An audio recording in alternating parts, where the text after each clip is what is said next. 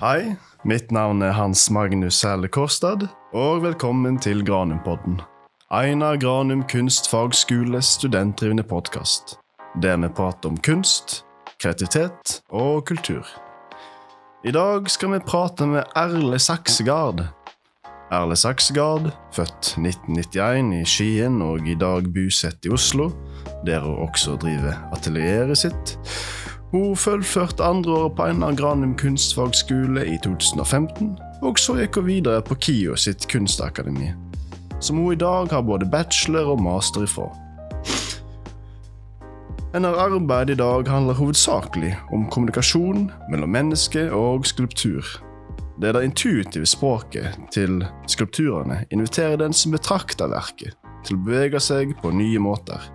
De nevnte skulpturene er også ofte material som er mottagelige for rørsle, som gummi, strikk og plast. Hun er også glad i performance. Hei sann. Hei. eh, tusen takk for at du har lyst til å bli med på Granumpodden. Eh, ærlig Saksegrad. Eh, du fullførte relativt nylig en master på KIO i 2020, etter å ha gått der noen par år. Og før det igjen søkte du her på Einar Granum. Eh, hva utfordringer oppstår når man skal plutselig stå på sine egne bein som kunstner, uten en institusjons fast ramme? Oi, det er et bra spørsmål. Mm. Jeg tror det første jeg merka da jeg var ferdig på KIO, det var at uh, jeg trengte et sted å fortsette å jobbe. Så man trenger jo plutselig et atelier. Et, et, arbeids, et, arbeidssted. Ja.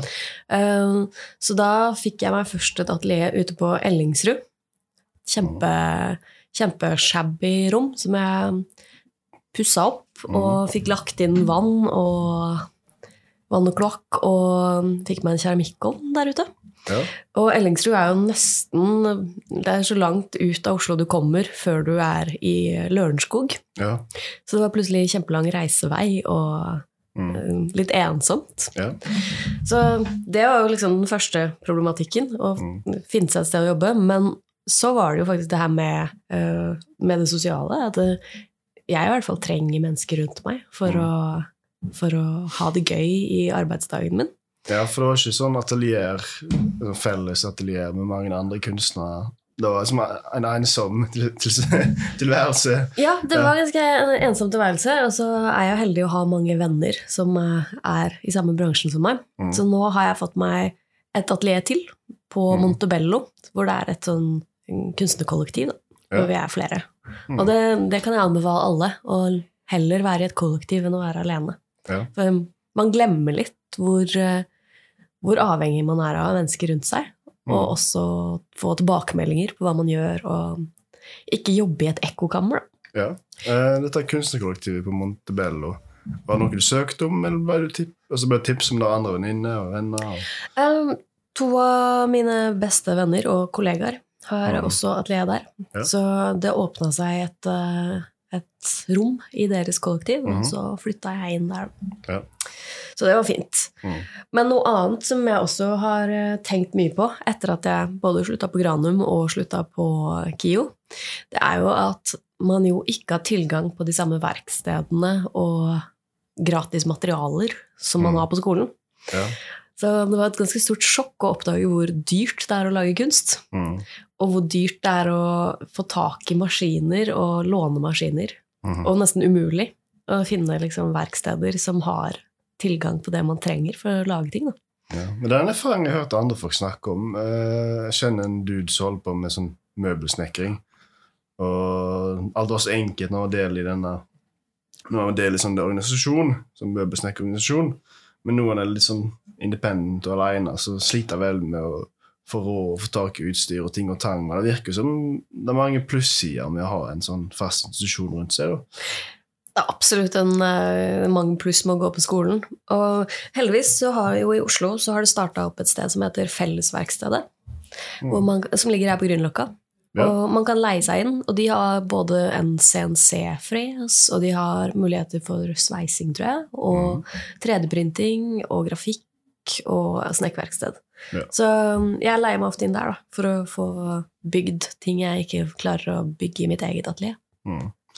Så når du er liksom ferdig med, med skole og ferdig med master, og alt sånt, da har du allerede fått litt muligheter til å gå og ha utstillinger på galleri og sånt, har ikke du? Jo. Ja. Hvordan fungerer det etter, etter skoletid? og sånn? F- Funker CV-en bra nok, og en stilig portefølje? Må du ha noe mer for å komme inn på forskjellige utstillinger og galleri? og... Og det, du spør så bra spørsmål, altså. Eh, jo, eh, jeg anbefaler jo alle å lage masse utstillinger selv mens man går på skolen. Ja. Bruke studentgalleriene. Dere på Granum har jo vekta Mm. bruke det aktivt. Ja. Um, også hvis man begynner på KIO eller KIB eller en annen kunsthøyskole, Mm. så er det jo også masse studentgallerier man kan bruke.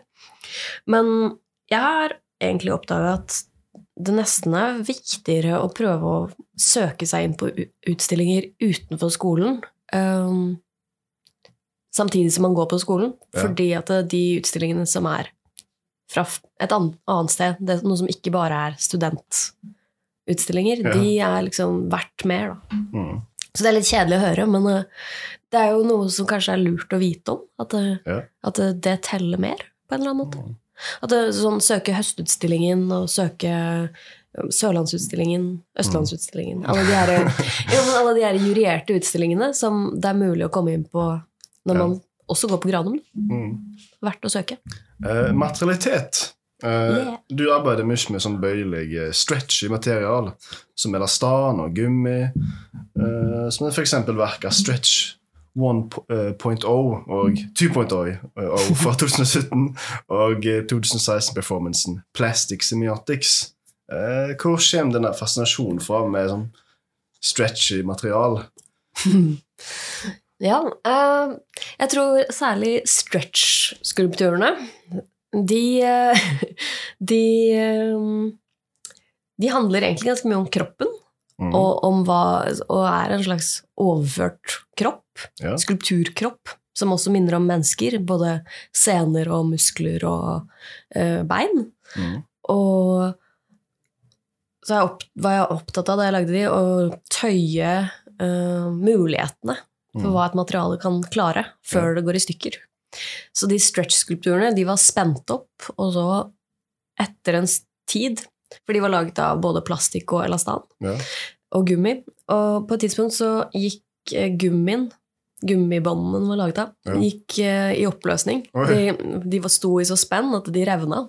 Ja. Så det var en type performative skulptur, Mm. hvor på et eller annet tidspunkt så går den i stykker. Ja, så stretch eh, Den fins ikke lenger i den Ikke den formen. avbilda formen. Den fins bare i den avbilda formen. Ja. Men eh, det handler jo mye om det for min del, å liksom tøye, tøye grensene for hva materialer tåler. Ja. Og også i en del av performancene jeg gjør, å teste hva, hvor er grensa for hva kroppen tåler. Hva, hva kan man gjøre med Mm. kroppen? Så det er derfor du er så interessert da. Derfor er jeg interessert i det. Jeg vet ikke.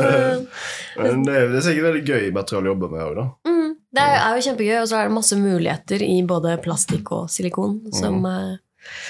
som jeg liker å tinkre med, da. Så du lager liksom der ah, halvveis performance, halvveis eh, skulpturer med gummi og eh, plast og alt mulig. Og ofte veldig sånn pastellfarger. Ja. Fine pastellfarger. Det, er- det, er- det, er, det er liksom smålig sånn, sånn stretchy pastellfarger. Det er sånn feminin kunst. Det, er litt, det er litt feminin kunst. Eh, hva kunst digger du, Erle? Hmm. Jeg liker veldig godt eh, Jeg liker veldig godt skulpturer. Jeg syns det er veldig gøy. Uh, og jeg syns det er veldig gøy med ambisiøse skulpturer mm. som jeg ikke klarer å forstå hvordan han, folk har klart å lage. Ja. Um, som strekker seg utover de materialene jeg selv behersker. Mm. Og hvor det blir en sånn type Nesten en gåte om hvordan, hvordan de har fått til å lage det. Ja. Det liker jeg veldig godt. Jeg liker når hjernen min blir utfordra. Og så liker jeg veldig godt når jeg kan få lov til å ta på ting og bevege meg rundt i en utstilling. Ja. Om at det Jeg kjenner liksom teksturen til et verk. øh, Ja, Ja. men jeg liker å kunne kjenne, slett, kjenne Mm. på teksturen. Kjenne, Ja. Oppleve gunsten med noe annet enn bare og det er ikke sånn nødvendigvis du kan gjøre på et museum.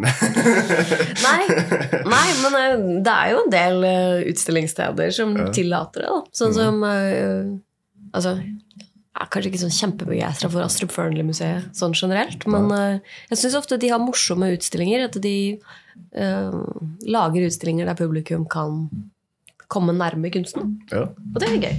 Det liker jeg.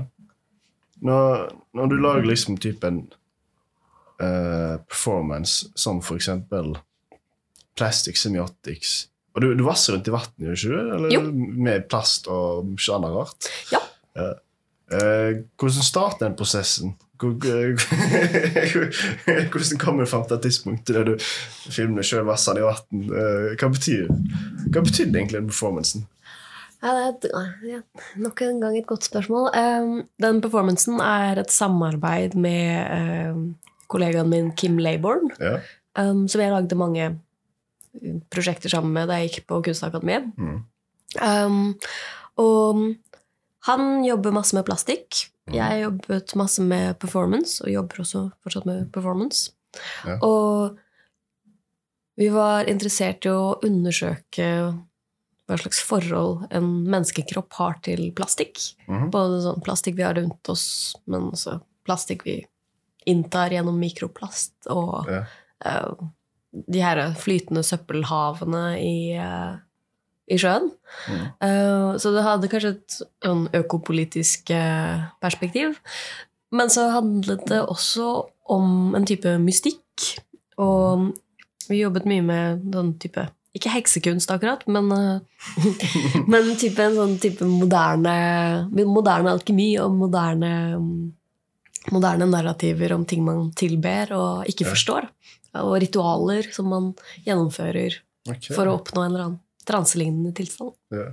Hva er en god performance for deg? Sånn, hvis noen har lyst til å lage en performance sjøl, hva er det du, hva er sånn du tipser med?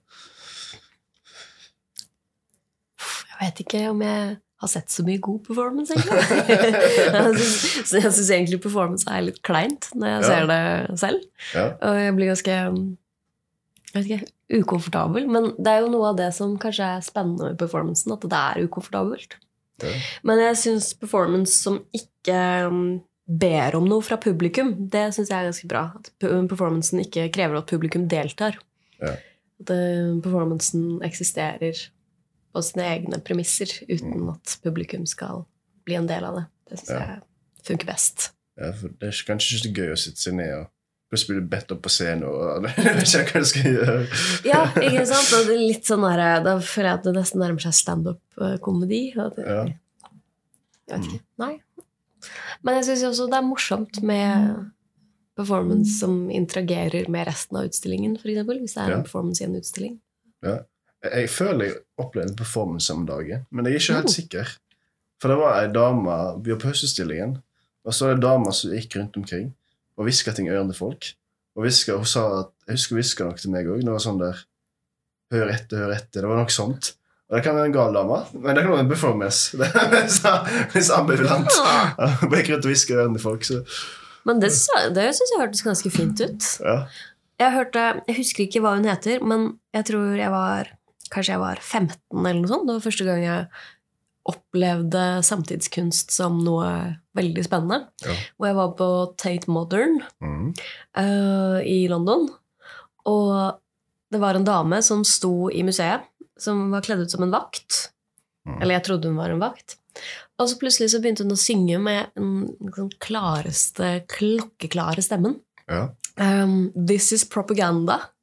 Og hun bare sang det igjen og igjen og igjen og igjen. Og igjen og igjen. Og, og så stoppet hun, og så begynte en av de andre vaktene å synge det. Ja. Og det var, et, det var et verk som bare gikk sånn, da. Ja. Hvor vaktene sang 'This is propaganda'. De var performere, da. De var ikke vakter. Men, Mhm. ja, det jeg- syns jeg var veldig kult. Og veldig sånn overraskende og vakkert og spennende og fint. Ja. Men utenom typ, den hendinga har ikke opplevd så veldig mye performance i Norge. Det er kanskje ikke så stort her, kanskje? Det er ganske mye mer performance enn man tror. Ja. Um, Du må lete etter det. Ja, og så tror jeg kanskje man må være litt interessert Ja.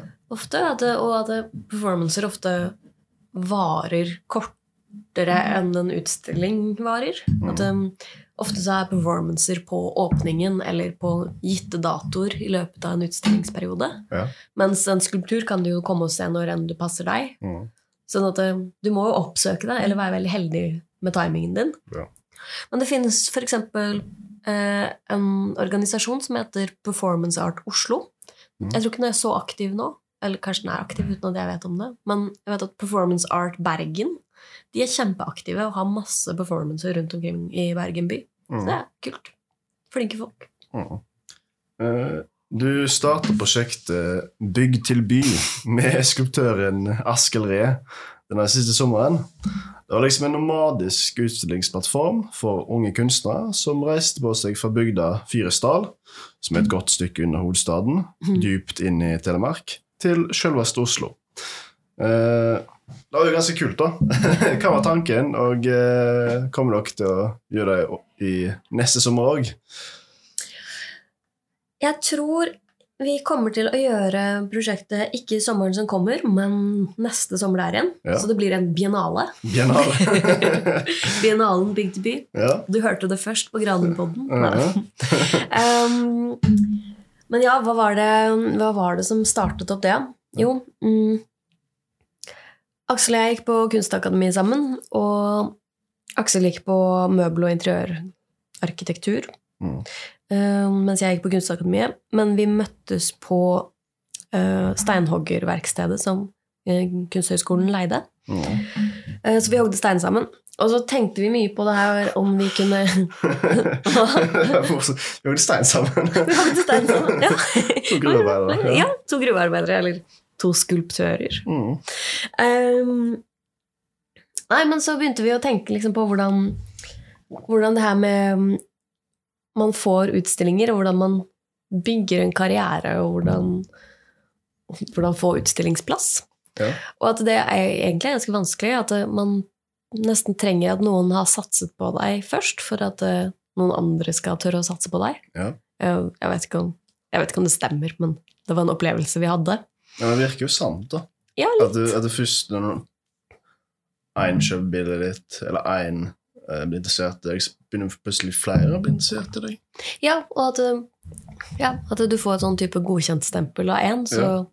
tenker noen andre at å ja, men det viser seg at eh, han klarer å lage en utstilling. Ja, men da gir vi, da gir vi han en utstilling også. Ja. Um, men så tenkte vi litt på det, at vi syns det er en litt sånn litt trasig måte å gjøre ting på. Ja. Um, så vi hadde lyst til å lage vår egen, egen utstillingsplattform, eget utstillingssted, Mm. på våre premisser. Ja. Uh, og invitere med de kunstnerne vi syns var fete. Og for Mm. liksom, vi syns det virka gøy å styre showet. Ja. Uh, jeg tror det var egentlig det som starta det. Og så eier familien min et sted i Fyresdal Mm. med den derre en stor strand. Um, som vi syntes hadde vært veldig kult å lage en skulpturutstilling på. Da. Ja. Så, Det var en sånn ja. uteutstilling, rett Det var en utstilling. Ja. Utendørsutstilling. Så det var ganske intenst. Det blåste helt sinnssykt mye den uka vi var der oppe. Ja. Uh, og på åpningen så sto vi ytterst på den stranda, og da var det plutselig en sandtornado oh, som vi så ytterst, eh, ytterst der. Det var, ganske, ja, det var mye vind. Ja, det er ikke bare bare sikkert. Nei, det er ikke bare uteutstilling. Men når, når, når du sa liksom at det var sånn nomadisk Jeg ser for meg liksom at den flytter seg sakte, men sikkert fra, eh, Telemark til, eh, til, til Oslo. Men jeg antar dere hadde bare én utstilling på Fyresdal og én Oslo, eller var dere i, i mer? Ja. Det har du på en måte rett i. Um, men plattformen har på en måte reist rundt omkring, fordi plattformen er jo Aksel og meg. Vi, vi er jo bygd til by. Mm. Og vi har reist fra Oslo til Fyresdal kjempemange ganger. Ja. Så den, vi, utstillingen liksom beveger seg Mm. mellom de to motpolene. Da. Ja. Og kunstnerne også flyttet seg jo, flyttet kunstpraksisen sin fra Oslo. Alle sammen var Oslo-baserte. Og flyttet praksisen sin til Telemark. Mm. Og så flyttet, øh, flyttet skulpturene de lagde der oppe, seg tilbake igjen til Oslo. Da, det virker som Jeg, jeg husker vi hadde han der Eirik Senje på skolen, Mhm. og han fortalte oss hvor utrolig viktig det er eh, når du går ut i kunstnerlivet og starter dine egne ting. Mhm. Og starter dine egne galleri og utstillinger, og hvor eh, stor headstart det gir deg. Mm. Uh, så det virker som en sånn lur idé generelt for nybegynner hermetegn kunstner. Ja, Det som nettopp kom ut. absolutt. Altså, Idet du er nyetablert, så er du jo liksom du, er, du har jo ikke så mye erfaring, men du er jo også veldig mye friere enn Mm. når du er 60, liksom. Ja. Så, mm, og ha kanskje også mer arbeidskapasitet. Kan jobbe døgnet rundt uten at det plager deg så mye. Mm. Så nå blir jo Bygd og by en biennale, tydeligvis. Yes! Eh, hva slags erfaringer har dere gjort, gjort dere med å lage en sånn utstilling sjøl? Eh, og hva, hva erfaring kan dere dele med andre som har lyst senere også lage sine egne utstillinger? Eller hoste sine egne gallerispaces? Eller? Mm, jeg tror kanskje det viktigste jeg har lært, er at um, hvis du er entusiastisk for ditt eget prosjekt, Mm. så smitter det. Ja. At folk har lyst til å være med på ting som du selv tror på, Ja. og du selv syns er gøy. Um, men jeg føler også at jeg har lært at å, lage en utstilling og arrangere ting med mange mennesker er Mm. veldig mye mer jobb enn jeg så for meg. Ja, hvis, hvis du jobber med forskjellige kunstnere, sant? alle har sine egne sånn, planer og, og, og rutiner, og du skal liksom prøve å få alt sammen til å henge sammen. mm. Og det er kanskje, det er kanskje ikke kunstnere som er de mest regimerte folk i verden. Nei, ikke nødvendigvis. Men de er jo de hyggeligste folka. da. Ja. Mm, men jeg tror kanskje det å fordele arbeidsoppgaver er det jeg har lært mye om. Mm, ja. Og forstå hvem som er i stand til å gjøre forskjellige ting. Mm. Og klare å gi slipp på ansvaret og gi det, gi det til noen andre. holdt jeg på å si. Det, da tror jeg man sparer seg selv for mye slitt. Ja. Og man gjør også at andre blir også investert i prosjektet ved Mm. å gi dem eierskap. Så utenom bygd eh, til by og andre prosjekt, hva, hva gjør du på i dag? Um, sånn akkurat i dag? Eh, Eller, eller hva tenker du på? Eh, Sånn I dag er du lærer på Granum, men uh, hva, hva gjør du sånn prosjektmessig? e- e- sånn, Dine egne prosjekt? Ja. Hva jobber du med nå? Um, jeg ble akkurat ferdig med en utstilling som vises i mm, Telemark, på Telemark kunstsenter i Skien, Ja. som heter Mold to Fit. Mold to fit. Yes, som em, handler om em, hvordan kroppen tilpasser seg forventninger. Ja vel. Uh, Så den ligner på en gymsal, sånn som gymsalen du kjenner fra ungdomsskolen. Ja, gummimatte og andre Gummimatte, bukk, kasse, klatrevegg, eh, ja, ribbevegg. Du er laget en, liksom en litt sånn artsy, uh, artsy uh, En Gym. artsy gymsal. gymsal. Ja. Ja. Ja, eh, Og så har det også vært eh, en del ulike performancer der folk kommer inn og har gym, Okay. som er liksom weird gym ja, ja, i for, gymsalen. ja, for en ting jeg liksom hører at du sier, skriver ofte, at du har lyst til å eh, ha liksom kommunikasjon, kommunikasjon mellom mennesker sant? Mm. og verkene dine. At det skal skape nye bevegelser. og Mm.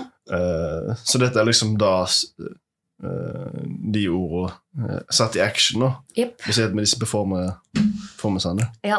Mm. Og publikum har også hatt lov til å bevege seg i gymsalen. Publikum kan eh, prøve ut å gymme Ja. hvis de har lyst. Og det er ganske utfordrende. Så Ja. det har vært morsomt å se de gangene jeg har vært innom og sett hvordan publikum holder på. ja. uh, utfordringen på en måte at sånn har jeg ikke knekt den? Eh, mer sånn ikke knekk deg selv. ja, Men, sånn, ja. eh, Mm. nei, men eh, det har vært veldig gøy å jobbe med. Og nå på fredag så er jeg med på en gruppeutstilling i Oslo. Mm. eh, På Køsk Ja. galleri nede, i, nede ved Barcode. Mm. Og på lørdag er jeg med på en utstilling på um, Wergelandshaugen ja. i Eidsvoll. ja. Så um, det er litt utstillinger her og der. Og når det, er, når det er ferdig, så tror jeg jeg skal ta meg en uh, liten ferie. En liten ferie, faktisk. Oi, oi. Ja, Det var så gøy, da. Hvile litt. litt. ja. uh, når du Når du jobber så veldig masse, så jobber du bare. Men trenger du å ha en, litt space og litt pause og litt såkalt ferie for å kunne komme på nye ideer og tenke og planlegge? og Jeg tror det er viktig å huske å ta seg pauser. Og Ja. jeg er ikke noe flink til det selv, Nei. men um, jeg tror det er veldig lurt å ta seg pauser. Og jeg tror um, jeg får mye, mye input av Ja. å oppleve nye ting. Ja. Det er jo kanskje litt vanskelig hvis du spesielt hvis du er sånn nyetablert. Du har lyst til å bare gå ut i verden og gjøre alt sammen og få allting til Mm. dag én. Og kanskje du glemmer litt å ta på deg sjøl og ta en pause av og til. Jeg tror det er veldig lurt å ta en pause og ta deg tid til å reflektere over hva du har gjort. Ja. Bare så du ikke bare rusher videre til neste prosjekt uten å se deg tilbake. Jeg ser vi har rundt fem min igjen. Ja. Uh, er det noe jeg lurer litt på? Eh, hvem er liksom din inspirasjonskilde? Så hvem er det du har sett på og tenkt sånn ah, jeg har lyst til å gjøre noe lignende. Og de er inspirerende. Mm. Jeg syns videokunstneren Pippilotti Rist lager veldig kule ting. Pippi Lotteris. Pippilotti Rist. Ja vel. Ja, hun, er, hun lager helt sånn sinnssykt fine fargesprakende videoer. Ja. Um, jeg syns Eva Hesse Mm. veldig, var veldig inspirerende. Hun er jo død. Um, hun jobbet mye med ulike støp og stretchy materialer. Mm. Mm. Så ble jeg inspirert av mennesker jeg har rundt meg. Ja. Noen kunstnere jeg jobber parallelt med. Ja. Eh, Jeg jobbet som assistent for Anna Daniel, Anna Daniel. eh, som er en norsk kunstner. Ja. Og hun eh, Det å være tett på prosessen hennes og se hvordan hun jobber, var veldig inspirerende. Veldig Ja. um, Ga meg veldig mye ny input da, om hvordan Mm. man kan gjøre ting og løse, løse ting. Ja. Ja, for assistent er jo òg en sånn ting man kan være Det er også for kan kunstner. Da får man en veldig som sagt, close look. Ja, og man får jo også da lære av noen som er mer erfarne. da. Hvordan, mm. hvordan funker bransjen? Hvordan. Hvordan søker man om penger? Hvordan eh, snakker man med et galleri? Ja, hvordan blir man en en kunstnerassistent, egentlig? Jeg tror du må først finne deg en kunstner som du eh, har en god tone med. holdt jeg på å si. Ja. Og så søk, kan man søke uh, Kulturrådet om Mm. å få et sånn kunstnerassistentstipend. Ja. Um, så det kan jeg anbefale. Det er gøy. Mm. Det er skikkelig bra. Um, Det er så genialt. da. ja. Bare finne seg en kunstner like bra. Du skal jobbe for deg. Jeg har fått stipend. Hei, hei! Jeg vil gjerne jobbe for deg. Jeg får stipend, så jeg kan jobbe for deg. Det finnes en Facebook-side hvor eh, man kan, eh, som heter matching-gruppe for kunstnerassistentordningen. Så da kan kunstnere legge ut sånn Hei, hei, jeg søker assistent. Og man kan også skrive Hei, hei, jeg søker kunstner. Så det er fint. Det er en veldig fin ordning. Mm, det er en ordning. Jeg har sett for meg at det finnes sånn arketypisk assistent og arketypisk kunstner som bare går ut og jakter etter hverandre hele tida. Ja. det så gøy, da. Eh, tusen hjertelig takk for at du har lyst til å bli med på Grannepodden. Tusen takk for at jeg fikk være med. Jeg skulle ønske vi hadde mer enn en liten halvtime, men putt, putt. Putt, putt. Uh, tusen hjertelig takk. Med talast. Med talast. Ja.